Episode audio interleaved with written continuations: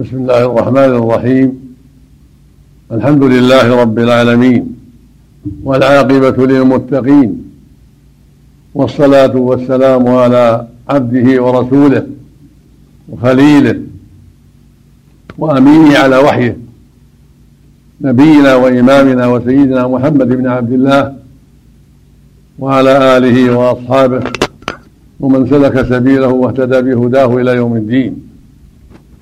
أما بعد فإني أشكر الله عز وجل على ما من به من هذا اللقاء. بإخوة في الله أعزاء وأبناء كرام للتواصي بالحق والتناصح في أداء الأمانة والقيام بحق الله وحق عباده. أسأل الله عز وجل أن يجعله لقاء مباركا وأن يصلح قلوبنا وأعمالنا جميعا وأن يعيننا وجميع المسلمين من شرور أنفسنا ومن سيئات أعمالنا وأن ينصر دينه ويعلي كلمته ويخذل أعداء الإسلام ودعاة الضلالة وأن يكفينا شرهم وشر غيرهم. ثم أشكر القائمين على هذا المستشفى وعلى رأسهم الدكتور عبد الرحمن على دعوتهم لي لهذا اللقاء وأسأل الله أن يبارك في جهود الجميع وأن يصلح أعمال الجميع ويجعلنا جميعا من الهداة المهتدين. إنه سميع قريب. عنوان الكلمة كما سمعتم أمانة الطب. اخترت هذا العنوان لمناسبة المقام. كل عمل له أمانة. كل عمل له أمانة. والدين كله أمانة. على أهله أن يؤدوه كما شرع الله. كما قال جل وعلا إن عرض الأمانة على السماوات والأرض والجبال. الآية. فالدين أمانة. يأتمن الله العباد عليه. فمن أداه كما أمر الله وكما شرع فله السعادة. والعاقبة الحميدة والعزة في الدنيا والكرامة في الآخرة. ومن فرط في شيء من هذه الأمانة فعليه التوبة من التفريط والحذر من البقاء عليها البقاء على ذلك والمسارعة إلى استدراك ما فرط فيه.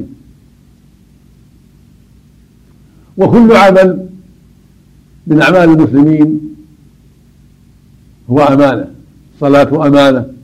والزكاة أمانة. الصيام أمانة. والحج أمانة. وحق الزوج أمانة. وحق الزوجة أمانة. حق الأولاد أمانة. والطب أمانة. وهكذا بقية الأعمال.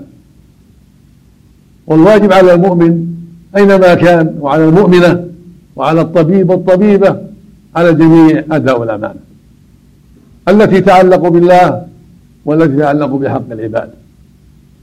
كما قال الله سبحانه يا أيها الذين آمنوا لا تهونوا الله والرسول وتهونوا أماناتكم وأنتم تعلمون. ويقول جل وعلا إن الله يأمركم أن تؤدوا الأمانات إلى أهلها.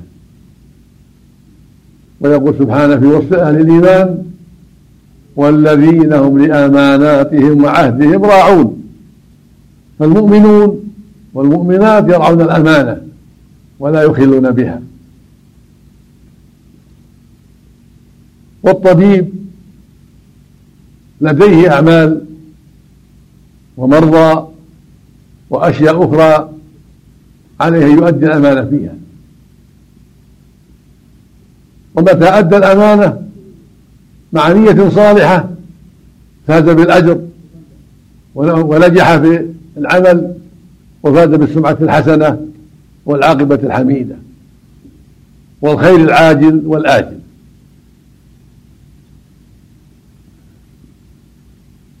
وأهم الأمور الأمانة اللي تعلق بحق الله سبحانه وتعالى في حق المؤمن والمؤمنة أينما كان. فتوحيد الله سبحانه وإخلاص العبادة له وحده هذا هو أعظم الأمانات. وهو معنى شهادة أن لا إله إلا الله. فإن هذه الشهادة هي أصل الدين وهي أساس الملة وهي أول شيء دعا إليه الأنبياء عليهم الصلاة والسلام أنهم يقول لقومهم قولوا لا إله إلا الله. قال تعالى وما أرسلنا من قبلك من رسول إلا نوحي إليه أنه لا إله إلا أنا فاعبدون. قال سبحانه ولقد بعثنا في كل أمة رسولا أن يعبدوا الله واجتنبوا الطاغوت.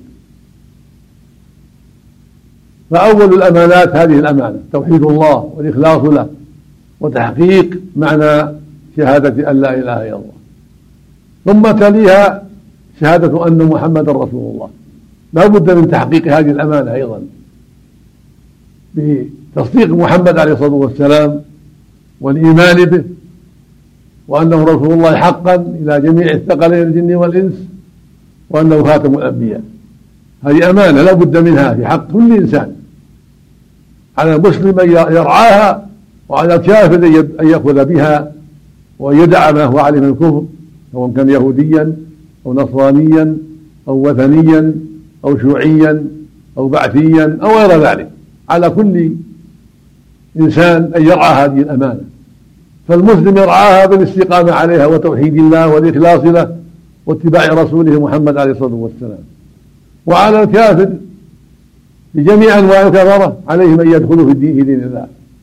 عليهم أن ينقادوا لأمر الله وأن يوحدوا الله وأن يدخلوا في دينه. لأنهم خلقوا لهذا. قال تعالى يا أيها الناس اعبدوا ربكم الذي خلقكم والذين من قبلكم لعلكم تتقون. قال تعالى يا أيها الناس اتقوا ربكم الذي خلقهم من نفس واحدة وخلق منها زوجها الآية. فجميع الثقلين من الجن والإنس مخلوق لعبادة الله مخلوق للتقوى. فعليه أن يتقوا الله فالمسلم يلزم التقوى ويعبد الله وحده ويصدق رسوله محمد عليه الصلاة والسلام وجميع المرسلين الماضين ويشهد لهم بالبلاغ والإيمان. وعلى جميع الناس من غير المسلمين أن يدخلوا في دين الله. وأن يسلموا وأن ينقادوا للحق وأن يعبدوا الله وحده وأن يصدقوا رسوله محمد عليه الصلاة والسلام أينما كانوا. هذا هو الواجب عليهم ومتى ضيعوا ذلك فلهم النار يوم القيامة. ثم بعد هاتين الشهادتين شهادة أن لا إله إلا الله وأن محمدا رسول الله بعدهما الصلاة. والصلاة هي أعظم الفرائض بعد الشهادتين. وهي أهم الواجبات وأهم الأمانات بعد الشهادتين. فعلى كل مسلم وعلى كل مسلم مسلمة العناية بالصلاة والمحافظة عليها في أوقاتها والطمأنينة فيها حتى يؤديها كما شرع الله بطمأنينة وإخلاص وصدق في من أولها إلى آخرها في أوقاتها. والرجل يؤديها في الجماعة كما شرع الله في بيوت الله جل وعلا. كما قال تعالى وأقيموا الصلاة وآتوا الزكاة واركعوا مع الراكعين قال تعالى حافظوا على الصلوات والصلاة الوسطى وقوموا لله قانتين. قال عز وجل والمؤمنون والمؤمنات بعضهم أولياء بعض يأمر بالمعروف وينهون عن المنكر ويقيمون الصلاة ويؤتون الزكاة ويطيعون الله ورسوله. هذا واجبهم جميعا الذكور والإناث. عليهم أن يقيموا الصلاة ويؤتوا الزكاة ويطيعوا الله ورسوله. في كل ما أمر الله به ورسوله. كما أن عليهم جميعا أن يأمروا بالمعروف وأن ينهوا عن المنكر. في المستشفى وفي البيت وفي الطائرة وفي القطار وفي السفينة وفي الباخرة وفي كل مكان. على المؤمن والمؤمنة تقوى الله وأن يأمروا بالمعروف وأن عن المنكر أينما كان. بحسب الطاقة. كما قال النبي صلى الله عليه وسلم من رأى منكم منكرا فليغيره بيده. فإن لم يستطع فبلسانه. فإن لم يستطع فبقلبه. وذلك أضعف الإيمان. أضعف الإيمان إنكار القلب بالكراهة كراهة المنكر وبغضه والإيمان بأنه منكر وعدم الجلوس مع أهله حين فعله. وقال جل وعلا إن المسلمين والمسلمات والمؤمنين والمؤمنات والقانتين والقانتات والصادقين والصادقات والصابرين والصابرات والخاشعين والخاشعات والمتصدقين والمصدقات والصائمين والصائمات والحافظين فروجهم والحافظات والذاكرين الله والذاكرات أعد الله لهم مغفرة وأجرا عظيما. والمسلم والمؤمن والقانت هو المطيع لله ولرسوله. والقانت المديم الطاعة المستقيم على الطاعة. ثم فصل أعمالهم وختمها بقوله والذاكرين الكثير والذاكرات أعد الله لهم مغفرة وأجرا عظيما. وأعظم ذلك بعد الشهادتين كما تقدم الصلوات الخمس والمحافظة عليها والعناية بها.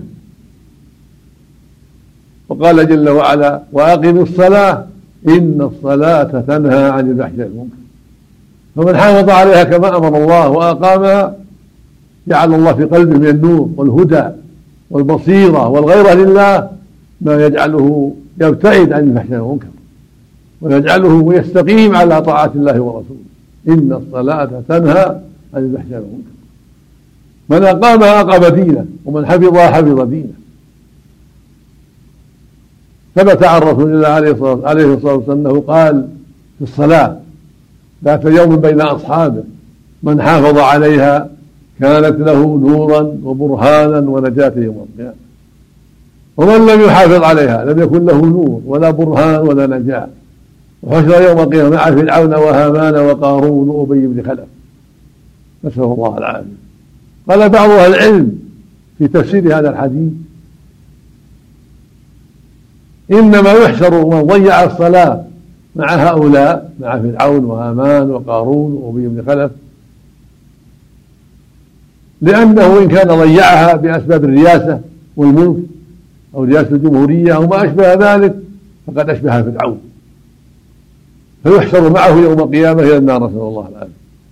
وإن كان أضاعها بأسباب الوزارة والوظيفة حشر مع هامان وزير فرعون إلى النار يوم القيامة. وإن كان أضاعها بأسباب الشهوات والأموال حشر مع قارون الذي غره ماله وشهواته فبغى وطغى حتى خسف الله به الأرض. نسأل الله العافية. وإن كان أضاعها بأسباب التجارة والمعاملات والأخذ والعطاء شابه أبي بن خلف تاجر أهل مكة الذي قتل يوم أحد كافرا فيحشر معه إلى يوم القيامة. نسأل الله العافية. فالجدير بالمؤمن أن يعتني بالصلاة وهكذا المؤمنة.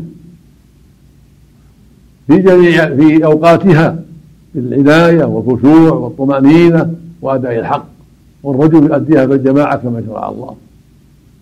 كما قال جل وعلا في بيوت أجل الله أن ترفع ويذكر فيها اسمه قال سبحانه واركعوا مع الراكعين صلوا مع المصلين. وقال النبي صلى الله عليه وسلم بين الرجل وبين الكفر والشرك ترك الصلاة. وقال عليه الصلاة والسلام العهد الذي بيننا وبينهم الصلاة فمن تركها فقد كفر. وقال عليه الصلاة والسلام من سمع النداء فلم يأتي فلا صلاة له إلا من عذر. قال قيل لابن عباس بل عذر؟ قال خوف أو مرض. وفي الصحيح أيضا عن النبي صلى الله عليه وسلم أنه قال لأعمى قال يا رسول الله ليس لي قائد يقودني المسجد.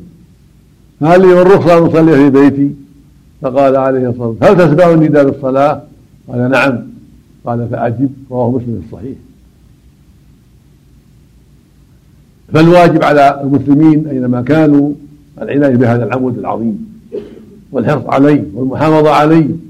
ومن المصائب اليوم كثرة من يتكاسل عن هذا الواجب العظيم ويتساهل به إما إما بعدم الأداء أو بالترك تارة والفعل تارة أو بعدم أدائها في الجماعة ولا حول ولا قوة إلا بالله.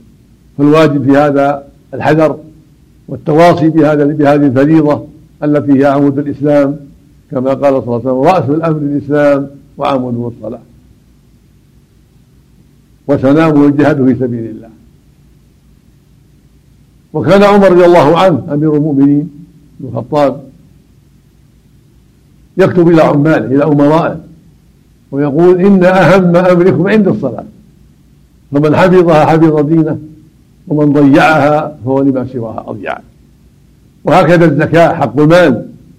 لابد من العناية به وأدائه كما أمر الله للمستحقين وهكذا الصيام في وقته رمضان فرض عظيم وأمانة. لابد أن يحفظ أن يحفظ صومه ويصون عما حرم الله حتى يفطر.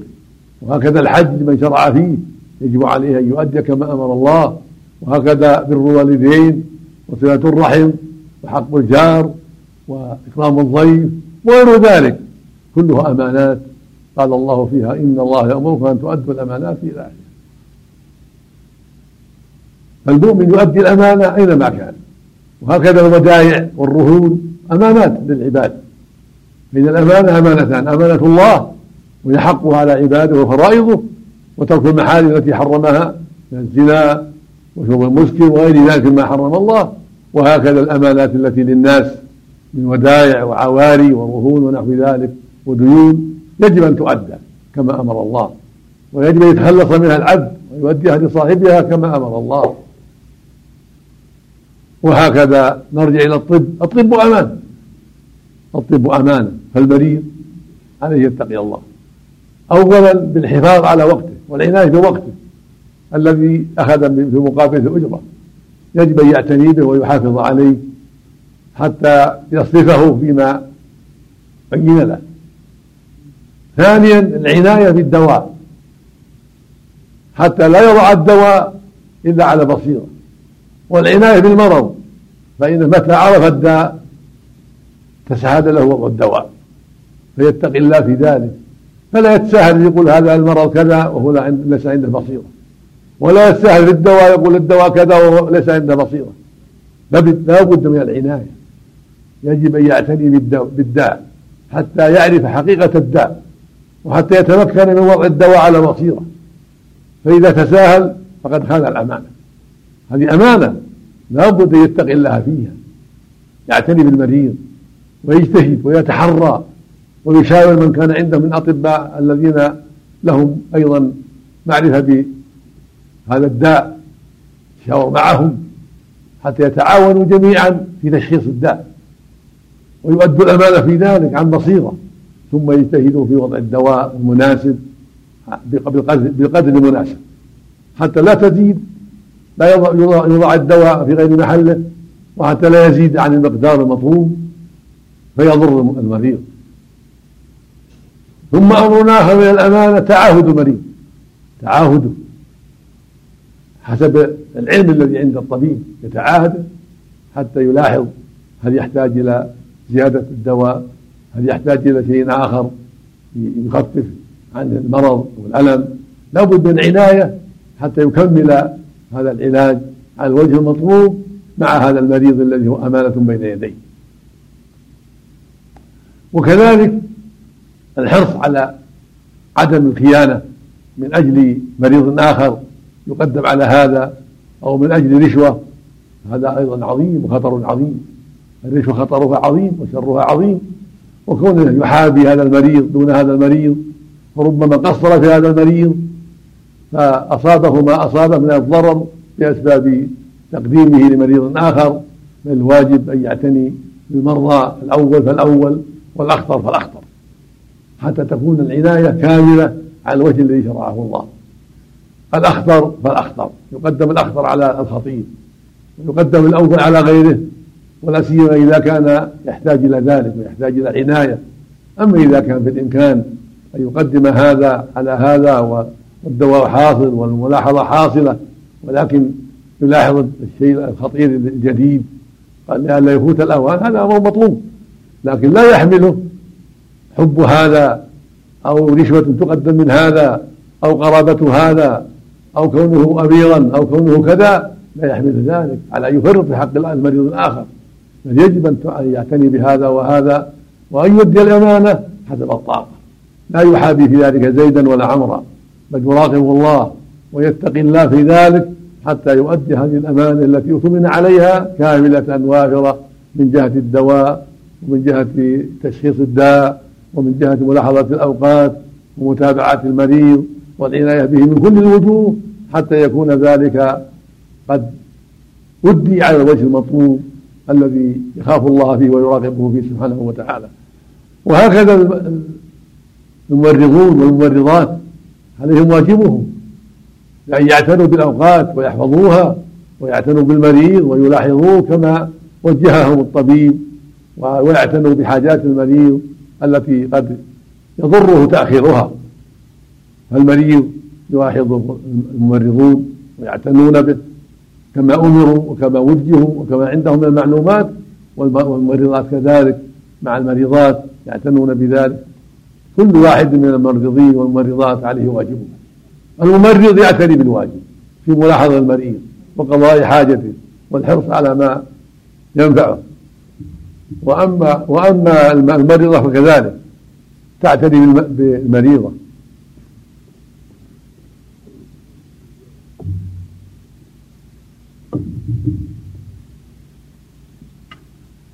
فالأمر عظيم لا من جهة الطبيب ولا من جهة المساعد للطبيب ولا من جهة الممرض ولا من جهة الطبيبة ولا من جهة الممرضة كل منهم عليه واجبه عليه يتقي الله ويراقب الله في أداء واجبه في حق هذا المريض وهذه المريضة حتى يخرج من العهدة يعلم أنه أدى الواجب وأنه راقب الله وأنه حرص على أن يؤدي ما يلزمه وما يعتقد في هذا المريض على الوجه الذي يعرفه من جهة الطب وعلى الوجه الذي يرى أنه نافع للمريض ومفيد للمريض. وهكذا الموظفون الآخرون المدير ومن تحت المدير وسائر الموظفين عليهم واجبهم فأداء الأمانة والعناية بالأطباء وتحريضهم على القيام بالواجب وملاحظة من يتأخر عن الوقت ومن يتساهل في العلاج كل عليه واجبه هذه أمانة.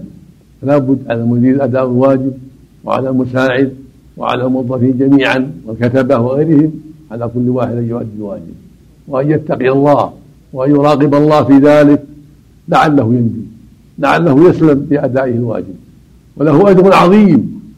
مع النية الصالحة له أجر عظيم. له أجر مضاعف. إذا أخلص النية لله وبذل وسعه فيما يجب عليه في وظيفته فهو على أجر عظيم وعلى خير عظيم. ولو قدر أنه أخطأ مع البذل الوسع فله أجر الاجتهاد وإن فاته أجر الصواب.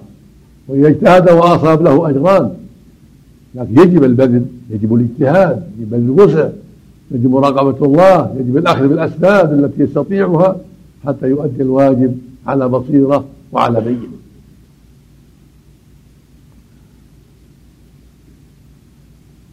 وهنا أمر مناسب من جهة الوقت الحاضر والأوضاع الحاضرة.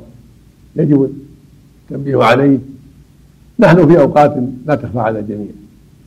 أوقات محنة وفتنة بأسباب حاكم العراق. قاتله الله وأراح منه العباد والبلاد. وسلط عليه وأشغله في نفسه. وأدار عليه دائرة السوء. وهذا وهذا ما جمعه وشتت شمله. يجب على المؤمن في هذا أن يتقوا الله وأن يحاسبوا أنفسهم. الطبيب والمريض والموظف وكل مسلم في كل مكان. عليهم أن يتقوا الله وأن يراقبوه وأن يتوبوا إليه سبحانه فإنه ما وقع بلاء إلا بسبب الذنوب. كما قال تعالى وما أصابكم من مصيبة فبما كسبت أيديكم ويعفو عن كثير فما يسلط ظالم إلا لها أسباب تحركها وتسببها الذنوب مع الأسباب الأخرى الحسية التي يعتمدون عليها. لكن على المسلم أن يتقي الله ويحاسب نفسه فيما بينه وبين ربه بالتوبة إلى الله من جميع الذنوب والاستقامة على أمر الله وسؤال الله جل وعلا للمسلمين التوفيق والهداية ولولاة الأمور أن الله يوفقهم ويعينهم ويمنحهم إصابة الحق والدعاء على أعداء الله وعلى من ظلمنا أن الله يشغله في نفسه وأن الله يكبته ويكفينا شره وشر غيره. وما جرى من الدولة من الاستعانة بجنسيات متعددة حمل عليها حمل على ذلك الضرورة. الحاجة الماسة والشديدة لأن هذا عدو مسلط لا يؤمن خبيث لا يؤمن ملحد لا يؤمن. وقد فعل بالكويت ما فعل مما هو معلوم للجميع من الظلم والعدوان والاجتياح لدولة مجاورة لا يرحم صغيرا ولا كبيرا في جيوش جرارة وأسلحة فتاكة فهو خبيث لا يؤمن. ولهذا اضطرت الدولة إلى المسارعة بجلب قوات متعددة للحماية حماية البلاد والعباد والدفاع عن عن دينها وبلدها وحرمات البلاد وعن المقدسات وعن كل ما يجب الدفاع عنه.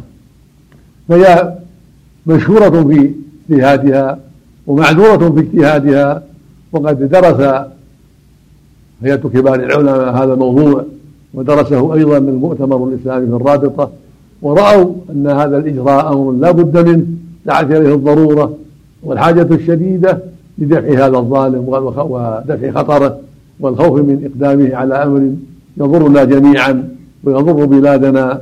وله أعوان قد ساعدوه ولعلكم عرفتم أشخاصهم. المقصود أن له أعوان. له أعوان ساعدوه وشجعوا على الباطل وتواطؤوا معه على الباطل. ونسأل الله أن يثبتهم جميعا وأن يذل أعداء الإسلام أينما كانوا. وأن يكفينا شر كل عدو. وهذه الجيوش التي من غير المسلمين أمدها إن شاء الله قصير بعد انتهاء المهمة يرجع كل إلى بلاده ويسلم الله من شرهم إن شاء الله. لكن الضرورة دعت إلى هذا الأمر الواقع والدولة في هذا لأجل الحماية للبلاد من شر هذا العدو المبين الذي قد جمع جيوشا كثيرة بسبب حربه لإيران. جمعها واعتنى بها وساعده عليها.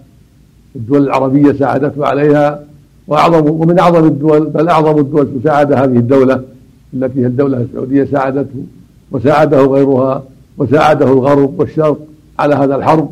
ولكن هذا جزاء جزاء الجزاء الخبيث لمن ساعده نسأل الله العافية. وهذا من دناءته. وقلة مروءته وقلة حيائه وعدم دينه نسأل الله العافية. لا حياء ولا دين ولا أمانة ولا خير يحمله على الوفاء ومراعاة الإحسان نسأل الله العافية. فالمقصود أن هذا الإجراء الذي أجرته الدولة إجراء سليم دعت إليه الضرورة. ونسأل الله أن ينفع بهذا الإجراء وأن يكفينا شر كل عدو وأن يحسن العاقبة للمسلمين جميعا. ونوصيكم جميعا بتقوى الله والاستقامة على دينه والتوبة إليه من جميع الذنوب. والدعاء لولي الأمر وولاة الأمور بالتوفيق والهداية والإعانة على كل خير وأن ينفع بما أجروا من الأسباب والدعاء على أعداء الله أن الله يكبتهم ويكفينا شرهم وشر غيرهم أينما كانوا